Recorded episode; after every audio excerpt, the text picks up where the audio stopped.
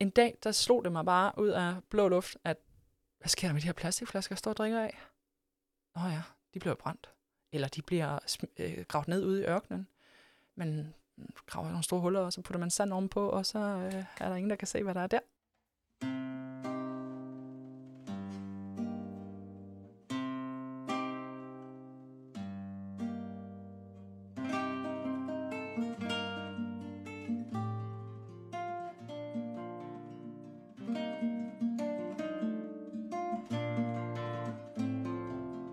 Tina Søgaard Pedersen har forladt jetset-livet i Dubai og er vendt hjem til Danmark for at bidrage til at skabe en verden i bedre balance. En verden, hvor hun med sit sportstøj for Vane Athletic vil være en del af løsningen og ikke en del af vores overforbrug. Men hvordan genfinder man balancen i sit arbejdsliv, når man pludselig skal redefinere det fra bunden? Hvordan finder man sig til rette som ny iværksætter, når man i virkeligheden trives bedst med at sætte nye idéer og projekter i verden og få andre til at afslutte dem? Det taler jeg, journalist Trine Gravholm, med Vane Dane Athletics stifter og ejer, Tina Søger Pedersen om, i denne udgave af Erhverv Plus podcasten Balancen.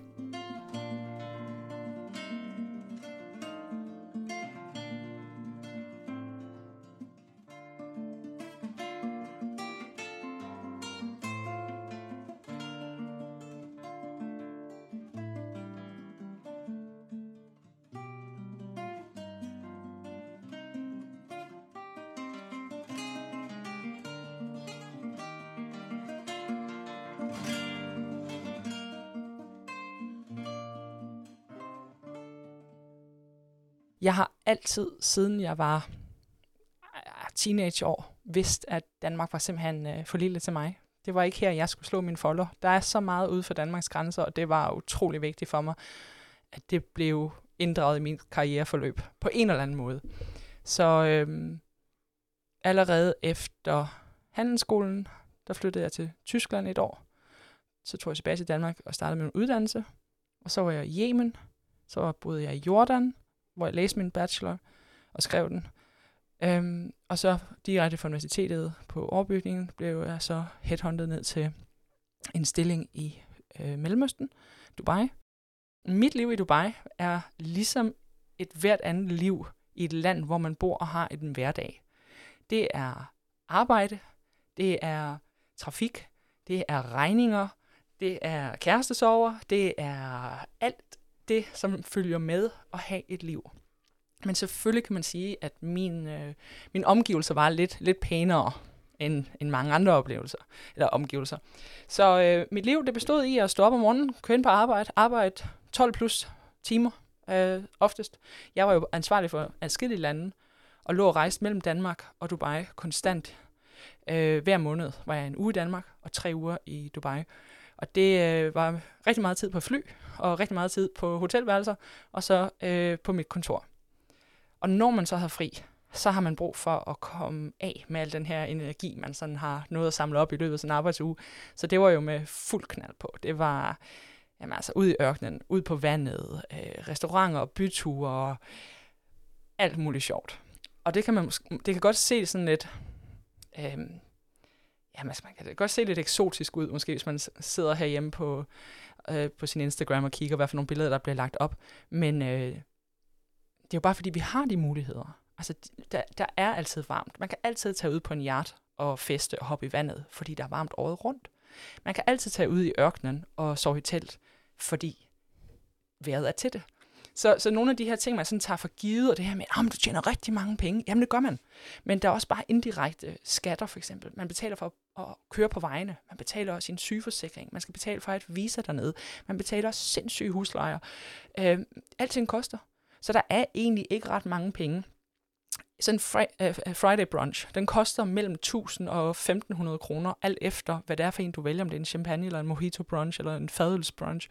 Så hvis du gør det to gange øh, om, om måneden, eller tre gange om måneden, hver fredag, og du skal også lige øh, til folks fødselsdag, du skal ud og have noget nyt outfit, altså pengene, de bliver meget hurtigt brugt. Det kan man selvfølgelig lade være med, men så møder man jo ikke nogen, og man bor jo i et expat øh, community, hvor man som oftest ikke kender nogen, når man ankommer. Så den her sociale måde, øh, man er sammen på, det er, at man bruger penge. Hvordan havde du det, i, øh, mens du levede det liv, det liv? de år? Ja. Jamen, jeg havde det rigtig godt. Altså, jeg var glad, fordi nu var der endelig kommet fart på. Der var endelig kommet nogle, nogle flere forskellige mennesker, nogle flere øh, nationaliteter, nogle flere kulturer, nogle flere øh, mennesker med spændende tanker øh, omkring mig, som jeg havde mulighed for at lære af og møde og blive venner med. Og, og det gav jo et helt vildt drive, især også på arbejdspladsen, hvor jeg lige pludselig havde indiske kollegaer, pakistanske, filippinske og engelske, og det giver bare noget andet. Man bliver klogere, når man kommer ud. Man bliver eksponeret til en masse ting, og man lærer en masse ting. Men det er også igen, hvordan kultur er meget forskellig omkring øh, forbrug og hverdag og affald. Og øh, hvor jeg har lært fra barn af, at man øh, spytter ikke tyggegummi ud på fortoget. Øh, man må ikke slutte. Man skal finde skraldespand. Øh, og der, der er nogle andre ting, vi sådan helt altså, centralt som børn lærer herhjemme. Det er jo noget helt andet dernede. Og jeg var en del af forbruget. Jeg, øh, jeg brugte rigtig mange penge på tøj. Jeg brugte rigtig mange penge på at have det sjovt. Fordi det var ligesom mit aflad fra den her 80 timer, 100 timer arbejdsuge, jeg godt kunne knalde af. Særligt en oplevelse fik dog Tina Søgaard Pedersen til at se anderledes på sit forbrug. Jeg har arbejdet for, for dansk firma, så har jeg arbejdet for et øhm, syrisk firma, og så har jeg arbejdet for et russisk firma, hvor vi lavede øh, armerede militærkøretøjer, og så har jeg arbejdet for et Emirati firma, og så til sidst, så havde jeg egentlig lyst til at være mig selv. Og der blev jeg så selvstændig HR-konsulent, og øh, havde mit egen firma, hvor jeg servicerede en masse forskellige industrier, med en masse forskellige kultur. Øhm, og der flyttede jeg op i, til et emirat, der hedder Ras Al Khaimah, fordi jeg ville gerne have lidt mere luft i min økonomi. Og der kørte jeg igennem sanddyner for at komme hjem fra arbejde hver dag. Når jeg kørte ind fra Dubai op til Ras Al Khaimah, så var der øh, sådan et par kilometer sanddyner, jeg skulle igennem, hvor der gik kameler. Og de her kameler her, kameler er ligesom rotter. De spiser alt. Og øh, de stod og ventede på, at, øh, at folk kom op i deres skraldespandene ved hovedvejen og smed deres affaldsposer i, og så stod de her 25 kameler klar til at spise igennem plastikposen for at komme ind til det mad- og køkkenaffald, som var i poserne. Og det, det blev meget hurtigt, altså hverdag. Man ser det, og alligevel, altså man tænker ikke så meget over det. Jeg kørte jo også og havde samtaler og sådan noget, mens man kører bil. Men jeg stod hjemme i mit køkken og drak vand. Jeg drikker øh, ja, 3 liter vand om dagen, to gange halvanden liter flasker i plastik.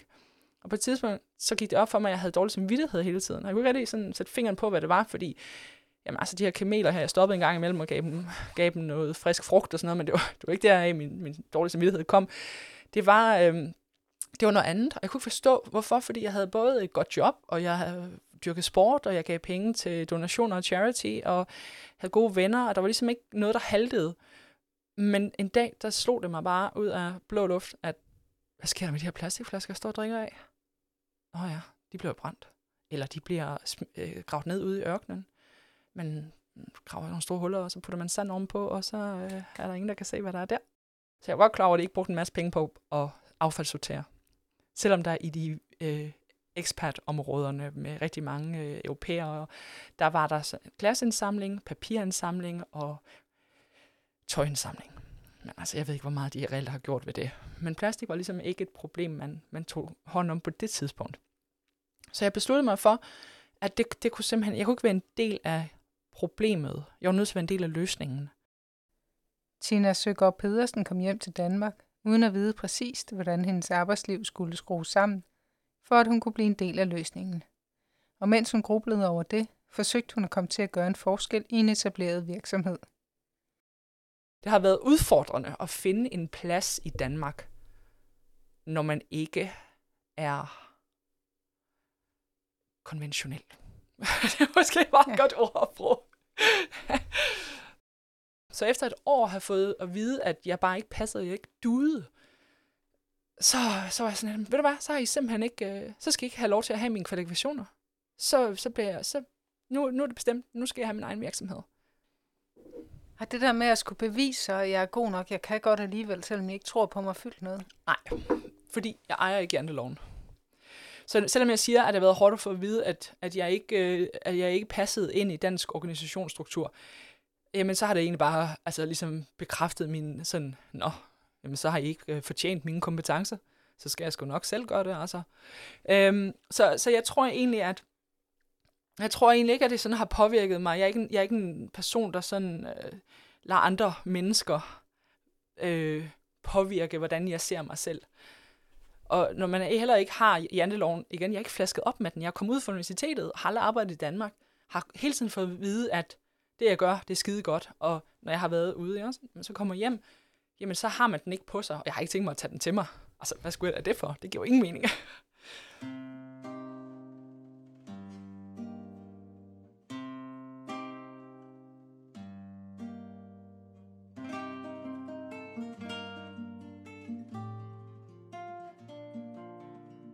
Tina Søgaard Pedersen havde flere idéer på bordet til at starte sin egen virksomhed, men til sidst endte hun med cirkulært sportstøj og virksomheden Vane Dane Athletic, som hun stiftede i 2017. En virksomhed, hvor hun fik mulighed for at gøre en forskel i forhold til det massive plastikforbrug, hun havde fået øjnene op for i Dubai.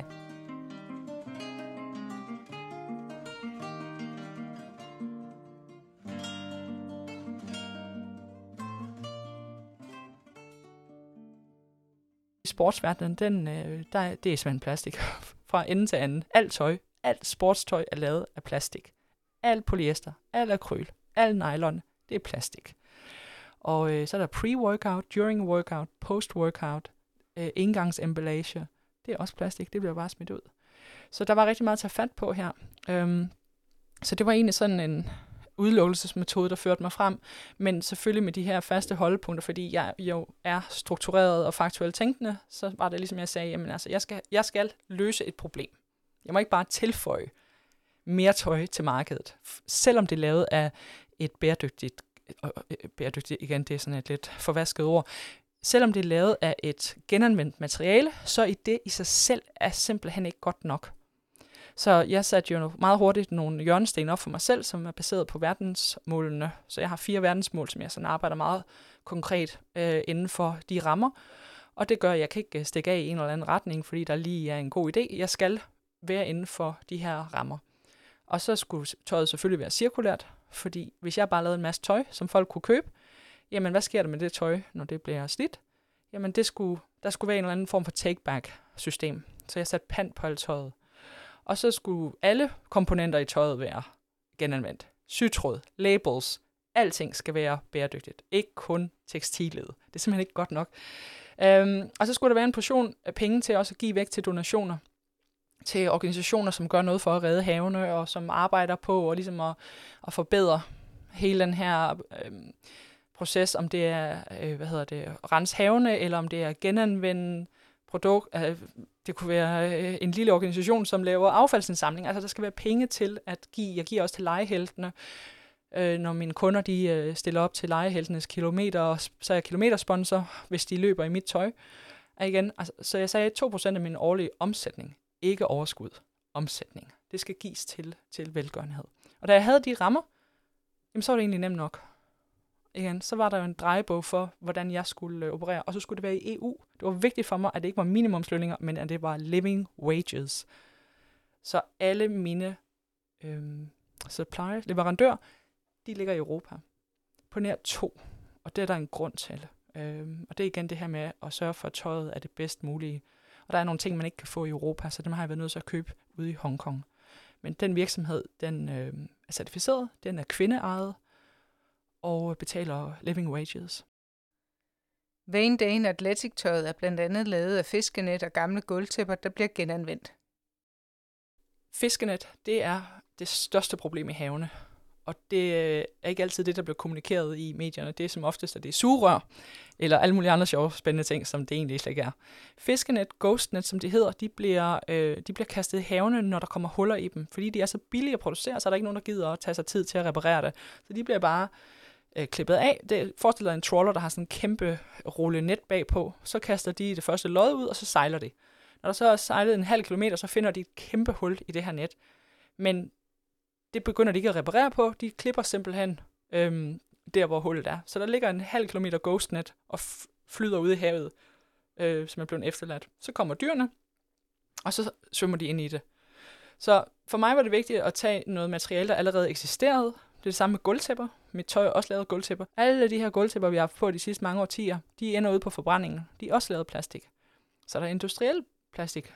Øhm, der er affald fra plastindustrien, som kan genanvendes. Og alle de her ting tager en virksomhed i Italien og samler sammen, og så regenererer de den nylon, så den kommer tilbage til den originale nylonform, som hedder virgin nylon. Og da du kom hjem til Danmark og bare vidste, du ville ikke være en del af problemet længere, men en del af løsningen, hvor meget vidste du om den her produktionsformer og materialer og måde at drive virksomhed på og starte ned fra bunden? Ja, nul og niks. Lige præcis. det var helt vanvittigt. Hvad jeg har lært på ingen tid, det, det er ret imponerende, synes jeg selv. Jeg vidste intet om bæredygtighed, og det har været et af mine store problemer, det var, hvorfor ved jeg ikke noget om bæredygtighed? Hvorfor er det ikke relevant for mig? Jeg ser mig selv som højorienteret, øh, karrierekvinde. Jeg har, øh, jeg har et, jeg vil ikke sige, altså, jeg, jeg kan ikke, mm, hvordan siger man det pænt, jeg kan godt lide de gode ting i livet. Øh, og, og det har indtil videre ikke været forbundet med bæredygtighed. Så jeg skulle ligesom finde ud af at, at knytte de her to ting sammen. Hvorfor var det ikke relevant for mig, og hvordan gør jeg det relevant? Det skal ikke være sådan noget, at man prædiker for hinanden. Jeg har ikke behov for at prædike, at mit tøj det er bæredygtigt. Jeg siger, at det er cirkulært nu. Og så vil jeg gerne have, at folk kører, køber det, fordi at det er øh, rigtig god kvalitet. Men der var jo rigtig mange ting, som jeg slet ikke vidste. Og jeg vidste jo heller ikke, at jeg skulle lave sportstøj. Så jeg begyndte at sætte mig ind i de forskellige plastiktyper og de plastikformer. Og så kom jeg frem til sportstøjet, og så var det sådan, okay, men det er fint nok. Det sportstøj, der er på markedet nu, som er bæredygtigt i gåsøjne, jamen det er meget yoga-centreret, det er meget lyserødt, lillert. Igen farver, jeg aldrig nogensinde viser mig i. Og nok derfor, det heller ikke har været relevant for mig. Og så har markedsføring måske også været forkert, fordi nogle af de, altså øh, ikke fordi de værdier, ikke, men det er bare ikke ting, som jeg prioriterer lige så højt som visse andre ting.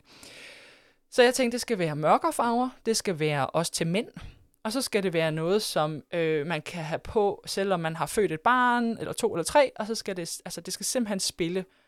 Pasformen skal spille, tøjet skal ikke være gennemsigtigt, øh, det skal ikke øh, blive slidt efter to-tre vask. Der er, der er også nogle helt basic ting.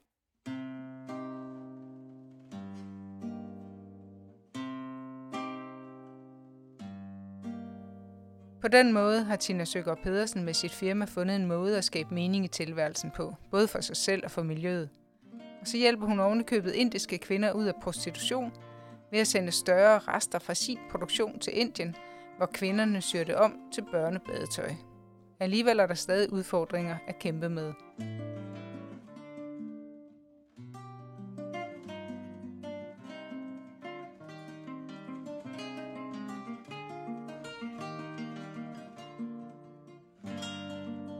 Står jo i en opstart af en virksomhed. Du øh, har været ramt på salget under coronakrisen. Hvorfor du over, eller hvordan kan det være, at du har overskud til at tænke på indiske kvinder, der har det slemt? Ja, godt spørgsmål. Det vil min revisor også gerne vide. Øh, men jamen, det har ligesom været en af hjørnestenene fra, fra dag 1 af. Og allerede i min tid i Mellemøsten, der har jeg doneret rigtig mange penge øh, til, til forskellige øh, velgørenhedsorganisationer. Øh, jeg besteg blandt andet øh, Kilimanjaro til fordel for øh, Dubai Autismecenter. Øh, donerede, tror jeg, 100.000 til dem. Så det, har altså, det ligger til mig. Altså, jeg kan godt lide at bruge penge. Jeg elsker at bruge penge. Men jeg sørger altid for, at jeg også har penge at give af. Og det skulle min virksomhed også reflektere. Så det var egentlig et meget bevidst valg, at lige meget hvordan min virksomhed så ud, så skulle der være plads til det. Lige nu, der er det rigtig hårdt. Og det er virkelig hårdt, fordi man er på vej ud af den her, altså corona var jo helt forfærdelig, men nu siger alle sammen, jamen det, det løsner op, det løsner op. Ja, men i coronatiden, alt hvad jeg havde tjent inden de, altså de seks måneder, jeg havde inden corona-lockdown, de er jo gået til at betale regninger med. Fordi regningerne bliver ved med at komme, selvom det er øh, corona-lockdown. Så de penge, der egentlig var til at lave noget frem, altså øh, marketings fremstød med, de blev brugt til at betale regninger for. Så selvom der åbner op nu, jamen så er der jo ikke flere penge tilbage til at lave reklame for. Så nu står man lidt i en situation, hvor alle sammen står og siger, åh, ja ja, men nu, nu bliver det helt godt igen. Bare sådan, ah, det er så ikke helt sandt, fordi nu skal jeg igen ud og have oparbejdet en viden om, om mit firma, for at jeg kan få penge i kassen, til at jeg kan gå ud og skubbe produktionen. Så jeg har valgt at sige, nu, øh, nu, nu vil jeg gerne have investor på. Det ville jeg ellers ikke til at starte på. Jeg ville egentlig godt have kørt det selv hele vejen. Men kan mærke, at jeg er ved at køre sur i det, fordi det er mig, der skal trække hele læsset. Jeg er rigtig god til business development, HR-delen. Jeg er ikke super god til salg og marketing. Så jeg har brug for både, og jeg kunne godt tænke mig en forretningspartner. Øh, jeg kunne godt tænke mig, at der en ind, som havde helt fantastisk godt styr på salg og marketing, og kunne tænke sig at arbejde inden for de rammer, som jeg jo selvfølgelig har sat op, og som forbliver.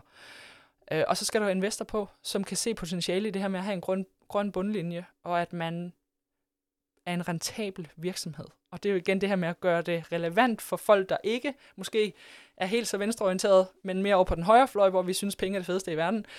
Øh, det vil jeg jo gerne have lidt mere færdig at sige til, til investorerne derude. Ved du hvad, vi kan faktisk godt lave nogle produkter, som er helt vanvittigt gode, hvor vi tjener en masse penge, og hvor der er plads til at give noget til andre, der ikke har ret meget. Det, der interesserer mig, det er forretning. Øh, og jeg synes, jeg synes ikke, det ene udelukker det andet. Jeg synes godt, man kan være passioneret for at have en rentabel virksomhed, som ikke kun går ud på at, at, at, at designe noget, fordi, jamen altså nej, du, jeg kommer ikke til at lave kollektioner, jeg har heller ikke udsalg. Der er sådan nogle helt, og det er fordi, de ting, jeg har, de virker, og de skal, de skal nok komme ud, og de skal nok klare sig rigtig godt. Men mens vi gør det, så skal jeg have ny energi ved at lave de her andre projekter. Og det er fordi, jeg er en opstarter. Jeg er absolut ikke en afslutter, og jeg har derfor jeg har det så sindssygt svært ved at være alene i virksomheden, for der er så mange stole, jeg slet ikke skal sidde på, ud af de her 10 stole, jeg sidder på lige nu. Jeg er en initiator. Jeg har altid haft assistenter, som afslutter mine opgaver.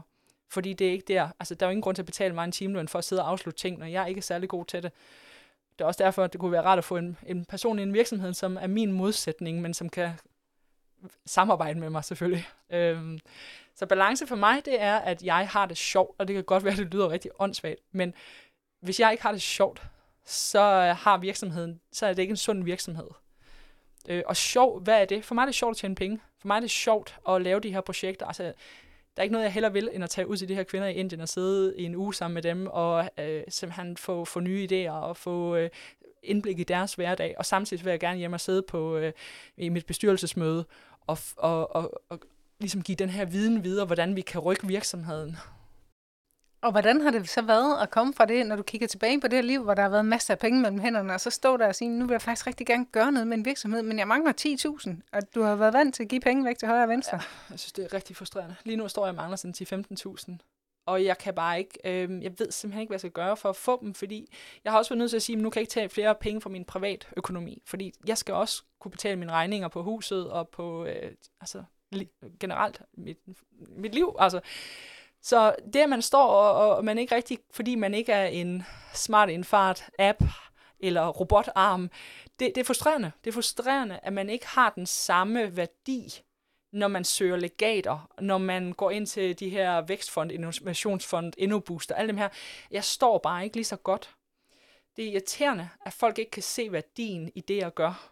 Fordi jeg jo altså selvfølgelig selv synes, jeg har det fedeste produkt. Så, så det, det, er det er frustrerende. Men hvis du så alligevel prøver at løfte blikket og kigge frem, hvor, hvor tænker du så, du står om 3-5 år? Jamen, så, så er vi nået i mål med at, at, at komme ud og blive et, et, et etableret brandnavn, fordi jeg har fået folk ombord nu. Jeg skal også have medarbejdere, jeg skal have ansat nu. Jeg har bare på grund af corona ikke rigtig vil gøre det, fordi hvornår er enden på det? Det ved vi jo ikke reelt. Så om 3-5 år, jamen der kører virksomheden. Vi er blevet jeg håber på en, i hvert fald 20 ansat, har en base her i, på Fyn, Odense, og øh, jeg er ligesom blevet sat fri til at følge mine drømme. Det kan også være, at jeg er på et helt andet spor. Jeg kun sidder i bestyrelsen på det tidspunkt. At jeg ligesom har valgt at sige, så træder jeg ud og laver noget andet. Men jeg er slet ikke i tvivl om, at vi nok skal nå i mål i forhold til øh, den vision, jeg ligesom har sat og lagt ud for virksomheden.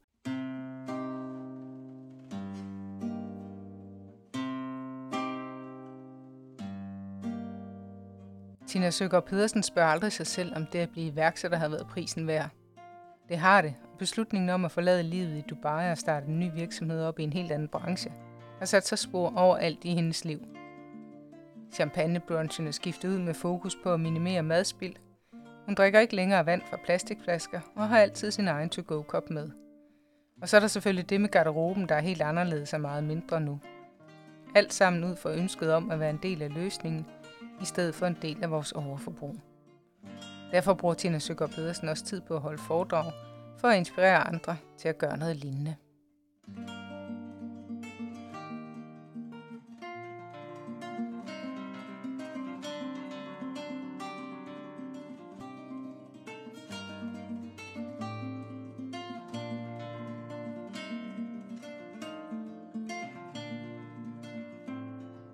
Du har netop lyttet til et afsnit af Erhverv Plus podcasten Balancen med iværksætter og stifter af Vane Dane Athletic, Tina Søgaard Pedersen.